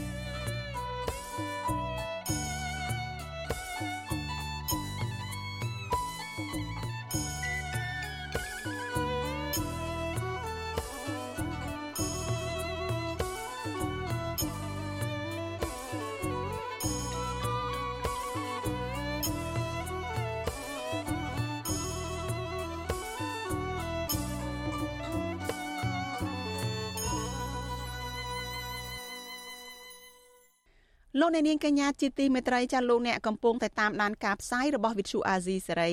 ចាប់ផ្សាយចេញពីរដ្ឋធានី Washington សហរដ្ឋអាមេរិកចាងាកទៅព័ត៌មានតកតងនឹងតំបន់អភិរក្សអរ៉ែងវិញម្ដងក្រមយុវជនខ្មែរថាវរៈនិងជនជាតិដើមភាគតិចជងទាមទារឲ្យអាជ្ញាធរខេត្តកោះកុងបង្ហាញព្រំប្រទល់និងទំហំដីតំបន់អភិរក្សអរ៉ែងដែលត្រូវកាត់ជ្រៀលប្រគល់ឲ្យរដ្ឋបាលខេត្តកោះកុងគ្រប់គ្រងជំនួសវិញពួកគាត់សង្ស័យថាអាជ្ញាធរខេត្តនេះ ព្យាយាមលាក់កំបាំងព័ត៌មានជុំវិញរឿងនេះនាំឲ្យសកម្មភាពកាប់បំផ្លាញព្រៃឈើទ្រង់ទ្រាយធំ កាន់តែរីករាលដាលប៉ះពាល់ដល់តំបន់អភិរក្សអរ៉ែងចាសសូមអញ្ជើញលោកអ្នកនាងស្ដាប់សេចក្តីរាយការណ៍អំពីរឿងនេះរបស់លោកសនច័ន្ទរដ្ឋាក្រមយុវជនខ្មែរថាវរៈនិងជនជាតិភេទជោអាងថាប្រកបមិនតន់ទទួលបានព័ត៌មានពិស្ដាតាក់ទងទំហំផ្ទៃដីដែលបានកាត់ជ្រៀលតំបន់អភិរក្សអរ៉ែងប្រគល់ជួររដ្ឋបាលខេត្តកោះកុងគ្រប់គ្រងស្របតាមអនុក្រឹត្យលេខ30របស់រដ្ឋាភិបាលនៅឡើយទេ រីឯអាញាធរក៏មិនតាន់បោះបង្គោលកំណត់របស់អភិរក្សឲ្យបានច្បាស់លាស់ហើយខ្លឹមសារនក្រឹតលេខ30ក៏មិនតាន់ឃើញអាញាធរបង្ហាញឲ្យផ្សព្វផ្សាយឲ្យបានទូលំទូលាយនៅឡើយទេកាលពីថ្ងៃទី26វិច្ឆិកាក្រមយុវជនខ្មែរថាវរៈតំណាងក្រមយុវជនករណីព្រៃអរ៉ែងនិងជនជាតិភិតិជោ14នាក់បានប្រមានដៃដាក់ញត្តិទៅមន្ទីរបរិស្ថានខេត្តកកុងដើម្បីស្នើបង្ហាញផែនទីព្រំប្រទល់របស់អរ៉ែងដែលបានកាត់ជ្រៀលដើម្បីប្រគល់ជួររដ្ឋបាលខេត្តកកុងការពារការដាក់ញត្តិនេះក្រោយពីប្រកាសឃើញសកម្មភាព កាប់ទន្ទ្រានព្រៃទ្រង់ទ្រាយធំតាមបណ្ដោយដងស្ទឹងអរ៉ែងនៅក្នុងភូមិត្រៀកឃុំចំណប់ស្រុកថ្មបាំងតំណាងក្រមយុវជនខ្មែរថាវរៈលោកហ៊ុនវណ្ណៈប្រាវិទ្យាអេស៊ីសរ៉ៃថ្ងៃទី30ខែវិច្ឆិកាថាការពន្យាពេលរបស់បង្គោលកំណត់របស់អភិរក្សឲ្យបានច្បាស់លាស់គឺជាការរបស់មន្ត្រីខលខូចនិងក្រុមឈ្មួញខົບខិតគ្នាលក់ដីតំបន់អភិរក្សទ្រង់ទ្រាយធំនៅក្នុងឃុំច្រករស័យនិងឃុំចំណប់កាលពីឆ្នាំ2022កន្លងទៅលោកបញ្ជាក់ថាក្រុមឈ្មួញបានលើកហេតុផលថាប្រៃដែលប្រកបកាប់ទន្ទ្រានធ្វើជីវកម្ម មិនមែនជាតំបន់អភិរក្សនោះទេដល់ពេលនេះគឺទំហំប្រប៉ុន្មានហើយកាត់ជ្រៀលកន្លែងណាអាអនុក្រឹតចេញថ្ងៃណាអីអត់ទាន់ដឹងអីទាំងអស់យើងមើលឃើញថាវាជាចេតនាមួយលាក់បាំងប្រជាពលរដ្ឋមែនតើណាមានជនជាតិអាកាសគាត់កាប់ទន្ទ្រានព្រៃហើយគាត់សំអាងយកហេតុផលថាព្រៃដែលគាត់កាប់ហ្នឹងមិនមែនជាតំបន់អភិរក្សផងព្រោះអត់មានបកគោលណាបោះប្រាប់គាត់ផងលោកហ៊ុនវណ្ណៈបន្ថែមថាការមិនកំណត់ព្រំប្រទល់របស់អភិរក្សនឹងបង្កើតមានបញ្ហាច្រើនប៉ះពាល់ដល់សិទ្ធិជនជាតិដើមភាគតិចជង រួមមានដីស្រែចម្ការដែលប្រកបអាស្រ័យផលប្រចាំថ្ងៃត្រូវឆ្មាំអភិរក្សរបស់ក្រសួងបរិស្ថានហាមឃាត់រីឯព្រៃឈើតាមបណ្ដោយដងស្ទឹងអរ៉ែងត្រូវបានគេកាប់បំផ្លាញជាបន្តបន្ទាប់ហើយការទិញលក់ដីព្រៃអភិរក្សនៅតែបន្តកើតមានច្រើនវិទ្យុអេស៊ីសេរីមិនតន់អាចតតងសុំការបំភ្លឺរឿងនេះពីប្រធានមន្ត្រីបរិស្ថានខេត្តកកុងលោកហ៊ុនម៉ារ៉ាឌីនិងអភិបាលខេត្តកកុងអ្នកស្រីមេតនាភូថងបាននៅឡើយទេ នៅថ្ងៃទី30ខែវិច្ឆិកាដោយទូរស័ព្ទហៅចូលទៅគ្មានអ្នកលើក ប៉ុន្តែមន្ត្រីនៃមន្ទីរបរិស្ថានខេត្តកកុងលោកគង់ចន្ទថយប្រាប់ក្រុមយុវជនខ្មែរថាវរៈថាញ៉ាត់នេះពលលោកបានដាក់ជួបប្រធានមន្ត្រីរួចហើយដើម្បីពិនិត្យនិងសម្រេចលោកបញ្ជាក់ថាប្រសិនបើប្រធានមន្ត្រីសម្រេចបែបណានោះលោកនឹងឆ្លើយតបត្រឡប់ទៅវិញលោកធានតាន់មានយោបល់អីណាបើសិនគាត់មានយោបល់អីចាំខ្ញុំឬក៏គាត់ឲ្យខាងរដ្ឋបាលឬខាងណាអ្នកធ្វើលិខិតឆ្លើយតបទៅអូនវិញកាលពីដើមខែតុលាកន្លងទៅក្រមយុវជនខ្មែរថាវរៈរកឃើញសកម្មភាពកាប់ទន្ទ្រានព្រៃអភិរក្សអរ៉ែង អស់5មេតាប៉ះពាល់ដល់ចម្រោះសត្វព្រៃនៅព្រៃឈើដែលជាកន្លែងតាក់ទាញភ្ញៀវទេសចរជនជាតិដើមភាគតិចជន់សង្កេតឃើញថាសកម្មភាពកាប់បំផ្លាញព្រៃអរ៉ែងកើតមានច្រើននៅក្នុងឆ្នាំ2021និងឆ្នាំ2022ដោយក្រុមអ្នកមានអំណាចដែលចង្អុលដីព្រៃអភិរក្សថាជាដីរបស់ខ្លួនហើយបានកាប់បំផ្លាញដើមឈើធំធំដួលរាយប៉ាយហើយដុតកំទេចចោលដើម្បីយកដីធ្វើជាកម្មសិទ្ធិដែលបណ្ដាព្រៃឈើកាន់តែរិចរិលធំឡើងធំឡើងដោយគ្មានការទប់ស្កាត់ចំណែកជនជាតិដើមភាគតិចចូលនៅតំបន់អរ៉ែងលោកវ៉ាន់វ៉ន សង្កេតឃើញថាតំបន់អភិរក្សគ្មានព្រំប្រទល់ច្បាស់លាស់ដែលធ្វើប្រកខ្លះនិងឈ្មោះខូចខូចឆអាកាសកັບទន្ទ្រានព្រៃធ្វើជាកម្មសិទ្ធិកាន់តែធំឡើងធំឡើងហើយសកម្មភាពការដាំឈើធំធំឲ្យដួលរលំនិងចាប់សាព្រៃលក់នៅតែបន្តកើតមានច្រើន។ព្រោះដោយសារមានបុគ្គលមួយចំនួនទៅគេលក់ដីព្រៃអញ្ចឹងទៅដូចជាមន្ត្រីអាជ្ញាធរមួយចំនួនវាមានសិទ្ធិមានអំណាចអញ្ចឹងគេចង្អុលកន្លែងនេះដីរបស់គេអញ្ចឹងទៅគេលក់បានហើយដល់ពេលអញ្ចឹងអាហ្នឹងវាដីវាព្រៃដល់ពេលដែលគេម្ចាស់គេទិញគេទៅឈូសឆាយ រុករានដីហ្នឹងឯងអាហ្នឹងវាធ្វើលក្ខណៈវាកាន់តែរិចរិលលើធនធានធម្មជាតិហ្នឹងកាន់តែធំទៅធំទៅជុំវិញរឿងនេះមន្ត្រីសម្របសម្បូរសមាគមអាត់ហុកខេត្តកកុងលោកថងចន្ទរាយល់ថាអាញាធរខេត្តកកុងត្រូវយកចិត្តទុកដាក់ដោះស្រាយបញ្ហានេះដោយត្រូវពន្លឿនបបង្គោលកំណត់ព្រំដីនៅរបងអរ៉ៃបានច្បាស់លាស់ដើម្បីកាត់បន្ថយការទន្ទ្រានព្រៃខុសច្បាប់ ដំណើរការលេងវាស់វែងរបស់បកគោនឹងវាដូចវាដូចជាយឺតយ៉ាវបាទព្រោះអនុក្រឹតនឹងចេញចូលជាងនេះហើយជាងចូលជាងមួយឆ្នាំហើយបាទក្រមយុវជនខ្មែរថាវរៈនិងជនជាតិដើមភាគតិចជងព្រមានថាបាញ្ញាធរខេត្តកកុងមកដោះស្រាយញាត់នេះទេពួកគាត់នឹងដាក់ញាត់បន្តទៀតនៅស្ថាប័នពាក់ព័ន្ធថ្នាក់ជាតិនៅពេលឆាប់ឆាប់នេះជ្រលងអរ៉ៃគឺជាកន្លែងដ៏ស្រស់ស្អាតមួយក្នុងខេត្តកកុងដែលមានប្រភេទសត្វព្រៃកម្រអមដោយព្រៃឈើដ៏សតកាលបន្សល់ចុងក្រោយនៅកម្ពុជាតំបន់នោះ ជាកន្លែងដែលជនជាតិដើមភាគតិចជងជាង1000នាក់កំពុងរស់នៅជាមួយនឹងបរិស្ថានធម្មជាតិស្រស់បំព្រងតាមបណ្ដោយចលងភ្នំដែលមានសត្វព្រៃកម្ររស់នៅរួមមានសក្កពើភ្នំត្រីនាគនិងដំរីធំធំជាដើមខ្ញុំសនចាររថាវិទ្យុអាស៊ីសេរីរាយការណ៍ពីរដ្ឋធានីវ៉ាស៊ីនតោនលោកអ្នកនាងកញ្ញាជាទីមេត្រីចាព័ត៌មានដាច់ដោយឡែកមួយទៀតកុមារ4នាក់បានលង់ទឹកស្លាប់នៅពេលទៅរាវក្រុមនិងរាវលៀសនៅក្នុងបឹងសំរោង ស្ថិតនៅក្នុងភូមិព្រៃសំរោងឃុំដំណាក់អំពិលស្រុកអង្គស្នួលខេត្តកណ្ដាលកាលពីរសៀលថ្ងៃទី29ខែវិច្ឆិកានាយនគរបាលប៉ុស្តិ៍ដំណាក់អំពិលលោករស់វិជា បានប្រាប់កាសែតក្នុងស្រុកកាលពីថ្ងៃទី30ខែវិច្ឆិកាថាកុមាររងគ្រោះដែលស្លាប់ទាំង4នាក់នោះមានកុមារីជាកូនភ្លោះ2នាក់បងប្អូនអាយុ13ឆ្នាំនិងក្មេងប្រុសបងប្អូនបង្កើត2នាក់ទៀតដែលមានអាយុ12ឆ្នាំនិង10ឆ្នាំ ពួកគេមានលំនៅនៅក្នុងភូមិថ្នល់តទឹង ឃុំដំណាក់អំពិលស្រុកអង្គស្នួលលោករស់វិជាឲ្យដឹងថាសពកុមារទាំង4នាក់ត្រូវបានក្រុមកម្លាំងអន្តរាគមន៍សង្គ្រោះនៃកងទាហានឆ័ត្រយងលេខ911ចុះទឹករាវរកឃើញកុមាររងគ្រោះទាំងយប់និងបានរកឃើញសពកុមារីកូនភ្លោះ2នាក់កាលពីរំលងអាធ្រាត្រថ្ងៃទី29ខែវិច្ឆិកាខណៈដែលសពកុមារ2នាក់ទៀតបានរកឃើញនៅវេលាម៉ោង4ទៀបភ្លឺថ្ងៃទី30ខែវិច្ឆិកា ចំណែកឪពុកម្ដាយរបស់ពួកគេមិនបានដឹងថាកូនកូនបានលង់ទឹកស្លាប់នៅពេលណាទេព្រោះជាប់រវល់លក់ដូរនំចំណីនៅតាមរោងចក្រប៉ុន្តែដោយសារមិនឃើញកូនកូនមកញ៉ាំបាយថ្ងៃត្រង់អ្នកភូមិនិងឪពុកម្ដាយរបស់ពួកគេក៏បានដើររកហើយប្រទះឃើញគំនរស្បែកជើងនិងថង់គ្រំលៀសនៅក្បែរមាត់ព្រែកជាប់បឹងសំរោងក៏នាំគ្នាផ្អើលឆោឡោហើយសង្ស័យថាពួកគេ បាននាំគ្នាទៅរាវលៀសនិងលង់ទឹកស្លាប់ បច្ចុប្បន្នសពកុមារទាំង4នាក់ត្រូវឪពុកម្ដាយដែលជាគ្រួសារក្រីក្រកំពុងរៀបចំធ្វើពិធីបុណ្យនៅវត្តដំណាក់អំពិលក្រោមការជួយឧបត្ថម្ភគាំទ្រពីអាជ្ញាធរមូលដ្ឋាន និងអ្នកជិតខាងនៅក្នុងភូមិពាក់ព័ន្ធនឹងបញ្ហាកុមារលង់ទឹកស្លាប់នេះដែរកាលពីយប់ថ្ងៃទី13ខែតុលាឆ្នាំ2022កន្លងទៅនេះសិស្សសាលាចំនួន11នាក់បានលង់ទឹកស្លាប់ដោយសារតែលេខទូកចម្លងខណៈពួកគេធ្វើដំណើរត្រឡប់ទៅផ្ទះវិញនៅភូមិកោះចម្រើនក្រោយពីចេញពីសាលារៀន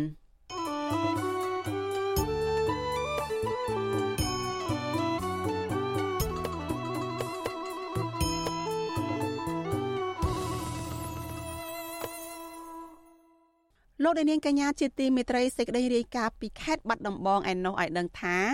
កសិករដាំមៀននៅខេត្តនេះត្អូញត្អែពីតម្លៃមានចុះថោកប៉ះពាល់ដល់ជីវភាពពួកគាត់មន្ត្រីសង្គមស៊ីវិលយល់ថារដ្ឋាភិបាលនិងស្ថាប័នពាក់ព័ន្ធ គួរមានប្រព័ន្ធសវត្ថិភាពផលិតកម្មដើម្បីជួយដល់កសិករមុនពេលផលិតទទួលបានតម្លៃជាក់លាក់និងសមរម្យនៅក្នុងការទ្រទ្រង់កសិកម្មលោកលេងម៉ាលី មានសេចក្តីរាយការណ៍អំពីរឿងនេះកសិករដាំមៀនលើកឡើងថាពួកគាត់អស់សង្ឃឹមជាខ្លាំងដែលតម្លៃផ្លែមៀនធ្លាក់ចុះអាស្រ័យលើមាត់ឈ្មួញកំណត់ពួកគាត់ថាឈ្មួញដែលធ្លាប់បានចុះកុងត្រាលទទួលទិញក្នុងតម្លៃជាង3000រៀលប៉ុន្តែនៅពេលដល់អាយុត្រូវបេះ បែរជាឈ្មួញបេះយកតែផ្លែមួយចំនួនប៉ុណ្ណោះហើយប្រសិនបើបេះទាំងអស់គេគិតតម្លៃទាបដែលមិនអាចស្មើ1%នៃតម្លៃសន្យាផងកសិករដាំមៀនបារម្ភពីតម្លៃផ្លែមៀននៅតែបន្តធ្លាក់ចុះទៀតនឹងធ្វើឲ្យកសិករមួយចំនួនត្រូវបោះបង់របរមួយនេះកសិករដាំមៀននៅខេត្តបាត់ដំបងលោកធុនសំអល់ប្រាប់ពធ្យុអស៊ីសេរីនៅថ្ងៃទី30វិច្ឆិកាថាលោកថាឈ្មួញដែលធ្វើកុងត្រាទិញហើយបែរជាមិនទិញដោយការកំណត់កុងត្រាទៅវិញ ដោយឈ្មួញបេះយកផ្លែមៀនតែប្រភេទលេខ1នៅតាមដើម ចំណែកផ្លែមៀនឈ្មួញឲ្យតម្លៃតែ300រៀលប៉ុណ្ណោះលោកបន្តថាកន្លងមកឈ្មួញទទួលទិញផ្លែមៀនក្នុងតម្លៃជាង3000រៀលប៉ុន្តែសប្តាហ៍ថ្ងៃឈ្មួញបង្អាប់និងទម្លាក់តម្លៃដោយលើកហេតុផលថាផ្លែមៀនល្អតែពណ៌សម្បុររាងខ្មៅទិញក្នុងតម្លៃថោកត្រឹម300រៀលលោកបញ្ជាក់ថាកសិករដាំមៀនមួយចំនួនបានងាកមកលក់ឲ្យឈ្មួញខ្មែរដើម្បីលក់ក្នុងស្រុកវិញដែលមានតម្លៃចន្លោះ ពី1500រៀលទៅជិត2000រៀលក្នុង1គីឡូក្រាមលោកធុនសំអល់បារម្ភពីជីវភាពថ្ងៃក្រោយព្រោះតម្លៃផ្លែមៀនថោកមិនអាចទូទាត់ការចំណាយប្រាក់ដើមទុនកន្លងមកលោកអំពីវនីដល់រដ្ឋាភិបាលនិងក្រសួងពាក់ព័ន្ធឲ្យដោះស្រាយបញ្ហាតម្លៃផ្លែមៀនធ្លាក់ថ្លៃ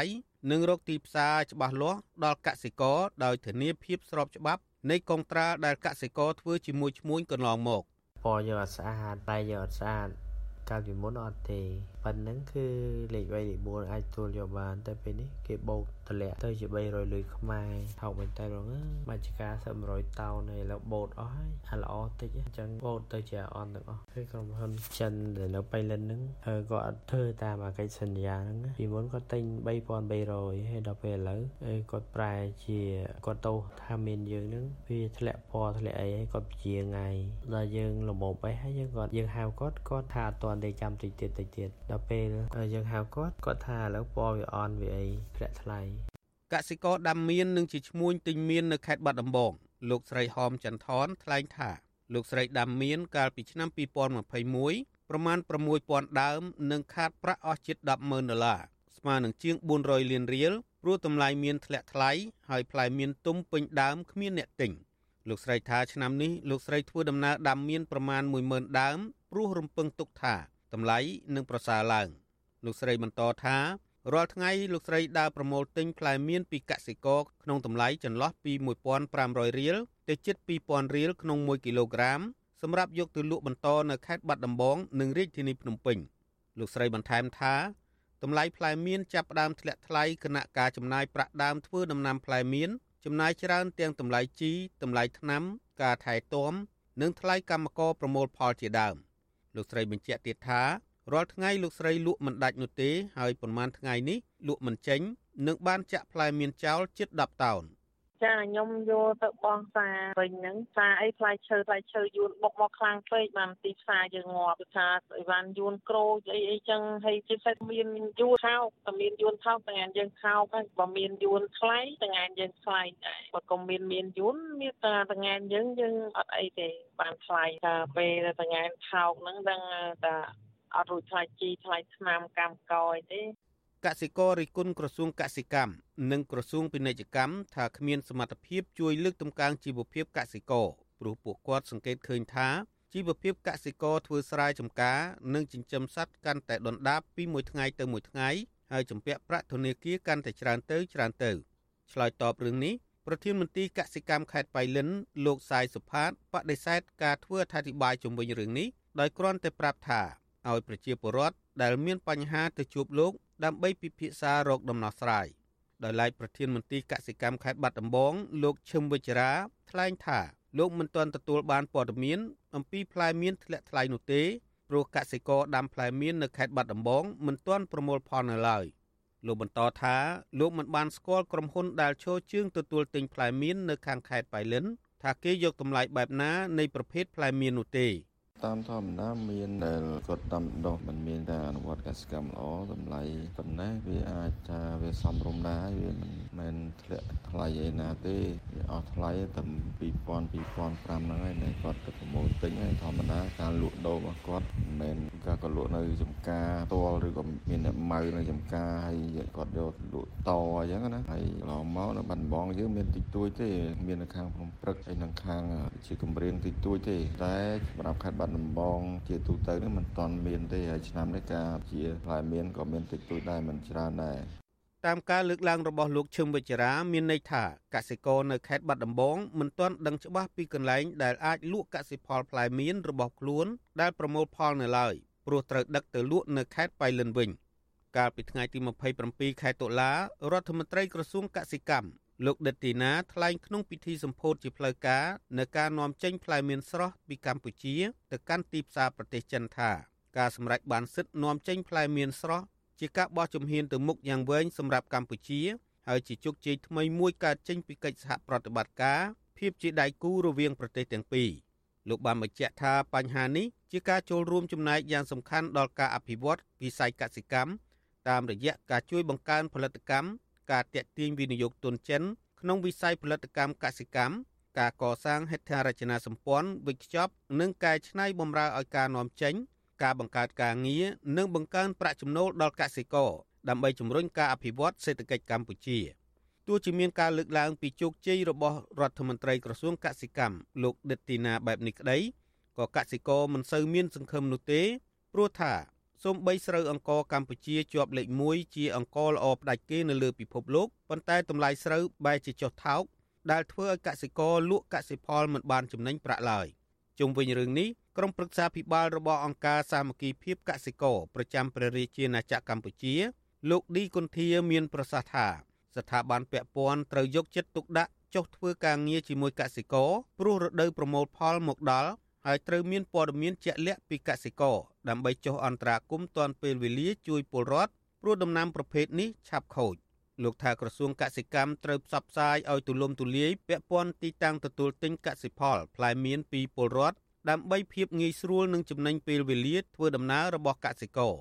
លោកបន្តថាដើម្បីកាត់បន្ថយហានិភ័យរបស់កសិករគឺត្រូវមានទិន្នន័យផ្ទៃដី និងចំនួនមៀនច្បាស់លាស់និងត្រូវសិក្សាអំពីផែនការផលិតកម្មជាមួយអ្នកទិញជាមុន។ រដ្ឋាភិបាលរហូតមកដល់ពេលនេះបានធ្វើឲ្យមានគេហៅថាប្រព័ន្ធសុវត្ថិភាពផលិតកម្មមាននឹងឲ្យមាននិរន្តរភាពហើយនៅឧទាហរណ៍បើសិនជាកសិករដាំដុះតម្លៃអាស្រ័យទៅលើការកំណត់ទៅលើឈ្មួញកណ្ដាលដែលមានការទៅជាមួយមន្ត្រីរដ្ឋាភិបាលចុងភួផងឬឈ្មួញកណ្ដាលមកពីប្រទេសជិតខាងផងឧទាហរណ៍ណាដោយអត់មានគិតអំពីប្រព័ន្ធសុវត្ថិភាពទៅលើការកំណត់តម្លៃប្រព័ន្ធសុវត្ថិភាពទៅលើការធ្វើផលិតកម្មតាមកិច្ចសន្យាមានន័យថាអត់អើពើមកមន្ត្រីរដ្ឋាភិបាលម្នាក់ម្នាក់នាំគ្នាមានន័យថាកសិករបងពុននេះពុននោះឲ្យរដ្ឋមានដង្ហើមដកដល់ពេលកសិករត្រូវការរកទីផ្សារមួយដែលដែលមានតម្លៃសមរម្យដើម្បីគ្រប់គ្រងកសិផលរបស់កសិករបែរជារត់បានអត់មានប្រភពទីផ្សារច្បាស់លាស់ថ្មីថ្មីនេះក្រសួងកសិកម្មកម្ពុជាបាននាំចេញផ្លែមៀនស្រស់ដោយផ្ទាល់ជាង1000តោនទៅកាន់ប្រទេសចិនជាលើកដំបូងកាលពីថ្ងៃទី27ខែតុលាចំការផ្លែមៀនដែលទទួលបានការអនុម័តចុះបញ្ជីជាផ្លូវការឲ្យនាំចេញផ្លែមៀនទៅកាន់ទីផ្សារប្រទេសចិន មាន74ចំការ ដែលក្នុងនោះមាននៅខេត្តបៃលិន40ចំការខេត្តបាត់ដំបង28ចំការនិងខេត្តបន្ទាយមានជ័យ6ចំការដោយឡែកកម្ពុជាមានរោងចក្រវេចខ្ចប់ផ្លែមៀនចំនួន8គឺនៅខេត្តកណ្ដាល1ខេត្តបាត់ដំបង3ខេត្តបៃលិន2និងខេត្តប្រសេះអនុចំនួន2រោងចក្ររបាយការណ៍របស់ក្រសួងកសិកម្មដំណាំផ្លែមៀននៅទូទាំងប្រទេសមានផ្ទៃដីដាំដុះសរុបចំនួនជាង12000ហិកតា និងផ្ទៃដីប្រមូលផលចំនួនជាង10000ហិកតា ហើយទិន្នផលជាមធ្យមចំនួនជាង12តោនក្នុង1ហិកតាដែលមានបរិមាណផលិតផលសរុបជាង130,000តោនក្នុងឆ្នាំ2021ពលរដ្ឋនិងសង្គមស៊ីវិលអំពាវនាវដល់រដ្ឋាភិបាលនិងក្រសួងពាក់ព័ន្ធថាគួរយកចិត្តទុកដាក់លើប្រព័ន្ធសុវត្ថិភាពក្នុងការអភិវឌ្ឍវិស័យសេដ្ឋកិច្ចកសិកម្មនៅកម្ពុជា តាមរយៈការធ្វើផលិតកម្មតាមកិច្ចសន្យាមួយ ដោយផ្ដោតទៅលើមុខដំណាំ និងប្រភេទសត្វ រដ្ឋាភិបាលគួរផ្សព្វផ្សាយពីផ្ទៃដីដាំដុះដំណាំជាប្រចាំដើម្បីឲ្យកសិករទទួលបានព័ត៌មានច្បាស់លាស់អំពីផែនការកសិកម្មខ្ញុំបាទលេងម៉ាលីវិទ្យុអស៊ីសេរីពីរដ្ឋធានី Washington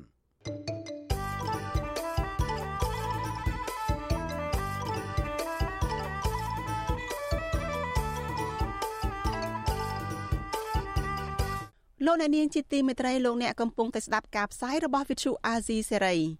នកប្រើប្រាស់បណ្ដាញសង្គមដែលនិយមចូលចិត្តតាមដានរឿងបញ្ហាសង្គមនិងនយោបាយបានចាប់អារម្មណ៍ខ្លាំងទៅលើករណីបណ្ឌិតកសិកម្មនិងជាអតីតអ្នកដឹកនាំជាន់ខ្ពស់មួយរូបនៃគណៈបកប្រជាធិបតេយ្យមូលដ្ឋាន គឺបណ្ឌិតយ៉ងសាំងកូម៉ាក្រោយពីលោកបានចុះចូលរួមរស់នៅក្នុងជីវភាពនយោបាយជាមួយបកកាន់អំណាចតើអ្នកប្រើបណ្ដាញសង្គមទាំងនោះគេមានការចាប់អារម្មណ៍និងមានទស្សនៈមតិយ៉ាងដូចម្តេចខ្លះ ជុំវិញការសម្រេចចិត្តផ្លាស់ប្តូរគោលជំហរនយោបាយរបស់បណ្ឌិតយ៉ងសាំងកូម៉ានៅពេលនេះលោកសេកបណ្ឌិតសូមដកស្រង់នៅមតិយោបល់មួយចំនួនលើបណ្ដាញសង្គម Facebook ជុំវិញរឿងនេះមកជម្រាបជូនលោកអ្នកដូចតទៅបាទលោកនាងកញ្ញាជាទីមេត្រីអ្នកប្រើប្រាស់បណ្ដាញសង្គមដែលនិយមចូលចិត្តតាមដានរឿងបញ្ហាសង្គមនិងនយោបាយបានបញ្ចេញទស្សនៈផ្សេងផ្សេងគ្នា ទៅលើករណីបណ្ឌិតកសិកម្មលោកយ៉ងសង្គមា ដែលបានចុះចូលរួមរស់ជាមួយនឹងគណៈបកកាន់អំណាចអ្នកខ្លះចេញសារអបអរសាទរពេលលោកបណ្ឌិត បានទទួលមុខតំណែងខ្ពស់ក្នុងជួររដ្ឋាភិបាលលោកហ៊ុនសែនចំណែកអ្នកខ្លះទៀតក៏បានរិះគន់ឌឺដងសោយចំអឲ្យលោកផងក៏មានដោយថាទទួលបានមុខតំណែងខ្យល់និងគ្មានអំណាចធ្វើអ្វីបានតាមបំណងរបស់ខ្លួនទៅកើតឡើយក្នុងរដ្ឋាភិបាលឯកបកបែបនេះ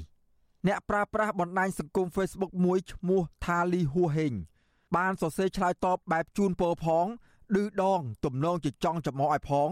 រឿងលោកបណ្ឌិត បានទទួលមុខតំណែងខ្ពស់ក្នុងរដ្ឋាភិបាលយ៉ាងដូចនេះថាជូនពរឯកឧត្តមបណ្ឌិតជោគជ័យក្នុងជីវភាពនយោបាយថ្មី តែកុំភ្លេចណា មើលសហគមន៍សបោសបាយផង ស្រកានាគមួយលានគុំទុរិនអូសោមដែលលោកបានបង្កើតឡើងនោះផងកុំឲ្យជាប់គាំង នាំឲ្យសមាជិកមានទុកដោយសារគម្រោងរបស់លោកម្ចាស់កេរនី Facebook ឈ្មោះលីហូហេងដដែលនេះបានអះអាងទៀតថាគម្រោងស្ទះมันមានផលចំណូលជូនដល់សមាជិកតាមផែនការម្នាក់ម្នាក់កំពុងតែរងទុក្ខដោយឡែកអ្នកប្រើប្រាស់បណ្ដាញសង្គម Facebook មួយទៀតដែលដាក់ឈ្មោះថាសុកនូប៉ែនបានបញ្ចេញមតិឬ comment ឆ្លើយតបនឹងរឿងនេះដែរថាបើបានឋានៈជារដ្ឋមន្ត្រីក្រែងប្រសើរខ្លះតែបើអត់ទេ គុំសង្ឃឹមថាមានការផ្លាស់ប្ដូរវិស័យនេះរដ្ឋលេខាធិការក្រសួងសុខាភិបាលជាអ្នកបច្ចេកទេសទប់ស្កាត់ជំងឺ Covid-19 មានគុណសម្បត្តិធំធំ នៅស្ងាត់បាត់ឈឹងលមមត្រឹមអ្នកបច្ចេកទេសចុះចូលមានប្រយោជន៍ស្អីទៅចំណែកម្ចាស់ករណី Facebook មួយទៀតឈ្មោះថាសុផាតសុផាតជូលីបានឆ្លុះបញ្ចាំងទៅលើគោលដៅរបស់លោកបណ្ឌិតយ៉ងសាងកូម៉ាដែលថាចង់ចូលទៅជួយពង្រឹងវិស័យកសិកម្ម សង្គ្រោះកសិករខ្មែរដែលកំពុងរងទុក្ខវេទនានោះគាត់មើលឃើញថា ជាគោលការណ៍គឺល្អហើយ តែឧបសគ្គមានដូចជា ការមិនសហការអំពើពុករលួយជីគ្រឿងយន្តកសិកម្មថ្លៃប្រព័ន្ធធារាសាស្ត្រគ្មានគុណភាពលក្ខណៈតើត្រូវទប់ទល់ដោះស្រាយបែបណា មន្ត្រីរដ្ឋមិនខ្វះទេអ្នកខ្លាំងខ្លាំងចុងក្រោយនាំគ្នាបន្ទោសតែកសិករម្ចាស់ករណី Facebook មួយទៀតឈ្មោះ Brands Iconostasis Spices បានបញ្ចេញទស្សនៈថាខ្ញុំជឿថាគោលនយោបាយលោកបណ្ឌិតកុំថាឡើយទុកពេលឲ្យ5ឆ្នាំខ្ញុំធានា50ឆ្នាំក៏ទៅមិនរួចដែរគោលនយោបាយរបស់លោកបណ្ឌិតនេះគេហៅថាគោលនយោបាយដងទុំឲ្យលោកបណ្ឌិត ក្រៅពីមតិរិះគន់ក៏មានមតិចូលរួមអបអរសាទរដែរម្ចាស់ករណី Facebook មួយទៀតឈ្មោះផេងខៀងបានសរសេរសារគាំទ្រយ៉ាងដូចនេះថា ខ្ញុំឯកភាពនិងរីករាយនៅពេលដែលលោកបណ្ឌិត បានចូលរួមជាមួយនឹងរដ្ឋាភិបាល ជួយវិស័យកសិកម្មខ្មែរឲ្យរីកចម្រើនខ្ញុំជឿថាកាលណាកសិករមានជីវភាពធូរធារសេដ្ឋកិច្ចជាតិក៏រីកចម្រើនតាមនោះដែរទស្សនៈស្រដៀងគ្នានេះដែរម្ចាស់កេតនី Facebook មួយទៀតឈ្មោះជាចរាវី បានសរសេរថាខ្ញុំនៅតែគាំទ្រនិងគោរពការសម្រេចចិត្តរបស់លោកគ្រូធ្វើដើម្បីកសិករ ចំណែកម្ចាស់កេរនី Facebook ដែលដាក់ឈ្មោះថាច័ន្ទប៊ុនសារឿតបានសរសេរលើកទឹកចិត្តលោកបណ្ឌិតយ៉ងសាងកមាដែរថាលោកបណ្ឌិត មានឱកាសបម្រើជាតិហើយសូមបញ្ចេញឲ្យអស់ពីសមត្ថភាពកសិករកំពុងរងចាំទោះជាយ៉ាងណាក្តីម្ចាស់ករណី Facebook មួយចំនួនទៀតនៅតែសម្ដែងការហួសចិត្តដែលលោកបណ្ឌិតកសិកម្មយ៉ងសាងកមាដែលចេញពីទរនំចាស់ ទៅចូលរួមសកម្មភាពនយោបាយរួមរស់ជាមួយនឹងគណៈបកកណ្ដាលអំណាចនោះពួកគេមើលឃើញថា នៅក្រោមដំបូលបកកាន់អំណាចដោយសពថ្ងៃនេះបណ្ឌិតយ៉ងសាងកូម៉ានឹងមិនអាចមានលទ្ធភាពឬឱកាសធ្វើអ្វីតាមចំណេះជំនាញតាមផែនការកំណត់ដោយការពីលោកនៅដឹកនាំអង្គការក្រៅរដ្ឋាភិបាលនោះឡើយតកតូននឹងការលើកឡើងបែបនេះម្ចាស់កេរនី Facebook មួយឈ្មោះណាអេហ្គីតនីបានបញ្ចេញទស្សនៈ លើកេរនីរបស់ខ្លួនបែបឌឺដងឲ្យបណ្ឌិតយ៉ងសាងកូម៉ានិងរដ្ឋមន្ត្រីក្រសួងកសិកម្មយ៉ាងដូចនេះថាយកតាកូម៉ាមកជារដ្ឋលេខាធិការពូទីណាដើរលេងយ៉ាងរំភើយតាកូម៉ាត្រូវការពេល5ឆ្នាំ ដើម្បីដោះស្រាយបញ្ហាកសិកម្មល្មមចប់អាណត្តិឆ្លាតមែនម្ចាស់កេរនី Facebook ដដែលនេះក៏បានបញ្ចេញមតិរិះគន់ជុំវិញរឿងបណ្ឌិតយ៉ងសង្គមាបន្តទៀតដែរថាគុំស្រមៃខ្ពស់ពេកលោកបណ្ឌិត គណៈបកប្រជាជនកម្ពុជា កាន់កាប់ដឹកនាំប្រទេសជិត40ឆ្នាំមកហើយមិនមែនគ្មានអ្នកចេះដឹងកសិកម្មឡើយគេមានឡើងហូហៀមួយឆ្នាំទៅមួយឆ្នាំបណ្ឌិតរៀនចប់ពីបរទេសជាពិសេសបណ្ឌិតបញ្ជូនទៅរៀននៅឯប្រទេសអ៊ីស្រាអែលពេលរៀនចប់ត្រឡប់មកវិញ បានត្រឹមបណ្ឌិតលេងលើមឬគេឲ្យធ្វើត្រឹមតែកូនចៅ គេគ្មានសិទ្ធិសម្រេចចិត្តអ្វីឡើយគណៈបកប្រជាជន មានមនុស្សខ្លាំងខ្លាំងច្រើនណាស់ តែគេមិនប្រើ គេមានបំណងមិនឲ្យវិស័យនេះរីកចម្រើនព្រោះត្រូវការសងគុណមហាមិត្តដោយការជួយទិញកសិផលរបស់គេ បើលោកបណ្ឌិតហក់ចូល ចង់ស៊ីសាច់មួយចាននេះបែបមិនងាយដោយការគិតឡើយចុងក្រោយ បានត្រឹមតែគេលើកឲ្យខ្ពស់ធ្វើអ្វីមិនបានសួរថារវាងរដ្ឋមន្ត្រីកសិកម្មនិងប្រធានសមាគមនាំស្រូវអង្គចេញនរណាជាអ្នកមានសិទ្ធិខ្លាំងជាង គឺច្បាស់ជាប្រធានសមាគមហើយ ដូច្នេះរដ្ឋមន្ត្រីបានត្រឹមតែដើរថតរូបឬសម្ដែងយកបងគ្មានសិទ្ធិអ្វីដោះស្រាយបញ្ហាកសិកម្មឡើយចំណែកលោកបណ្ឌិតសេងសេរីវិញ ដែលគេស្គាល់ថាជាអ្នកវិភាគសង្គមនិងកំពុងភៀសខ្លួននៅក្រៅប្រទេសសពថ្ងៃនេះក៏បានចាប់អារម្មណ៍លើការផ្លាស់ប្ដូរជំហររបស់លោកបណ្ឌិតយ៉ងសាំងក៏បានដែរលោកបានសរសេរសារមួយបង្ហោះលើបណ្ដាញសង្គមដោយសម្ដៅជូនទៅលោកបណ្ឌិតយ៉ងសាំងកូម៉ា ដែលលោកទំនងជាមានការសោកស្ដាយចំពោះការសម្រេចចិត្តដើរចេញពីសង្វៀននយោបាយអ្នកប្រជាធិបតេយ្យនៅពេលនេះសារនោះមានន័យដើមយ៉ាងដូចនេះលោកបណ្ឌិតជាទីស្រឡាញ់ជាដំបូងខ្ញុំសូមគោរពការសម្រេចចិត្តរបស់លោកបណ្ឌិតក្នុងការចូលរួមជីវភាពនយោបាយជាមួយនឹងគណៈបកប្រជាជនកម្ពុជា ការចាក់ចែងរបស់លោកបណ្ឌិត បានធ្វើឲ្យសម្ព័ន្ធអ្នកប្រជាធិបតេយ្យបាត់បង់ក្តីសង្ឃឹមនិងបាក់ទឹកចិត្ត ជាពិសេសគណៈបកប្រជាធិបតេយ្យតូចតូចបច្ចុប្បន្នមេដឹកនាំប្រជាធិបតេយ្យមានគ្នាតិចណាស់ម្នាក់ត្រូវបានតុលាការកាត់ទោសអស់មួយជីវិត និងត្រូវបានបញ្ចប់ជីវិតនយោបាយម្នាក់ទៀតបាត់បង់សិទ្ធិនយោបាយនិងរវល់អានសិភៅអហិង្សាក្បែរអាងហែលទឹករីឯលោកបណ្ឌិតវិញក៏ចាក់ចែងទៅទៀតអ្នកប្រជាធិបតេយ្យពិតជាកំសត់ពេកហើយ សាររបស់លោកបណ្ឌិតសេងសេរីបានសរសេរបន្តទៀតថាទោះបីយ៉ាងណាក៏ដោយចុះបើការចាក់ចែងរបស់លោកបណ្ឌិតអាចធ្វើឲ្យកសិករខ្មែរយើងជាង1លាននាក់ទទួលបានជីវភាពប្រសើរឡើងមែននោះខ្ញុំក្នុងនាមជាអ្នកគ្រប់គ្រងអ្នកប្រជាធិបតេយ្យម្នាក់ដែរខ្ញុំមានអារម្មណ៍ស្ងប់ចិត្តហើយសូមជូនពរលោកបណ្ឌិតទទួលបានជោគជ័យនៅក្នុងបេសកកម្មថ្មី ដើម្បីកសិករយើង ខ្ញុំបាទសេកបណ្ឌិត វុទ្ធុអាស៊ីសេរី ពីរដ្ឋធានីវ៉ាស៊ីនតោន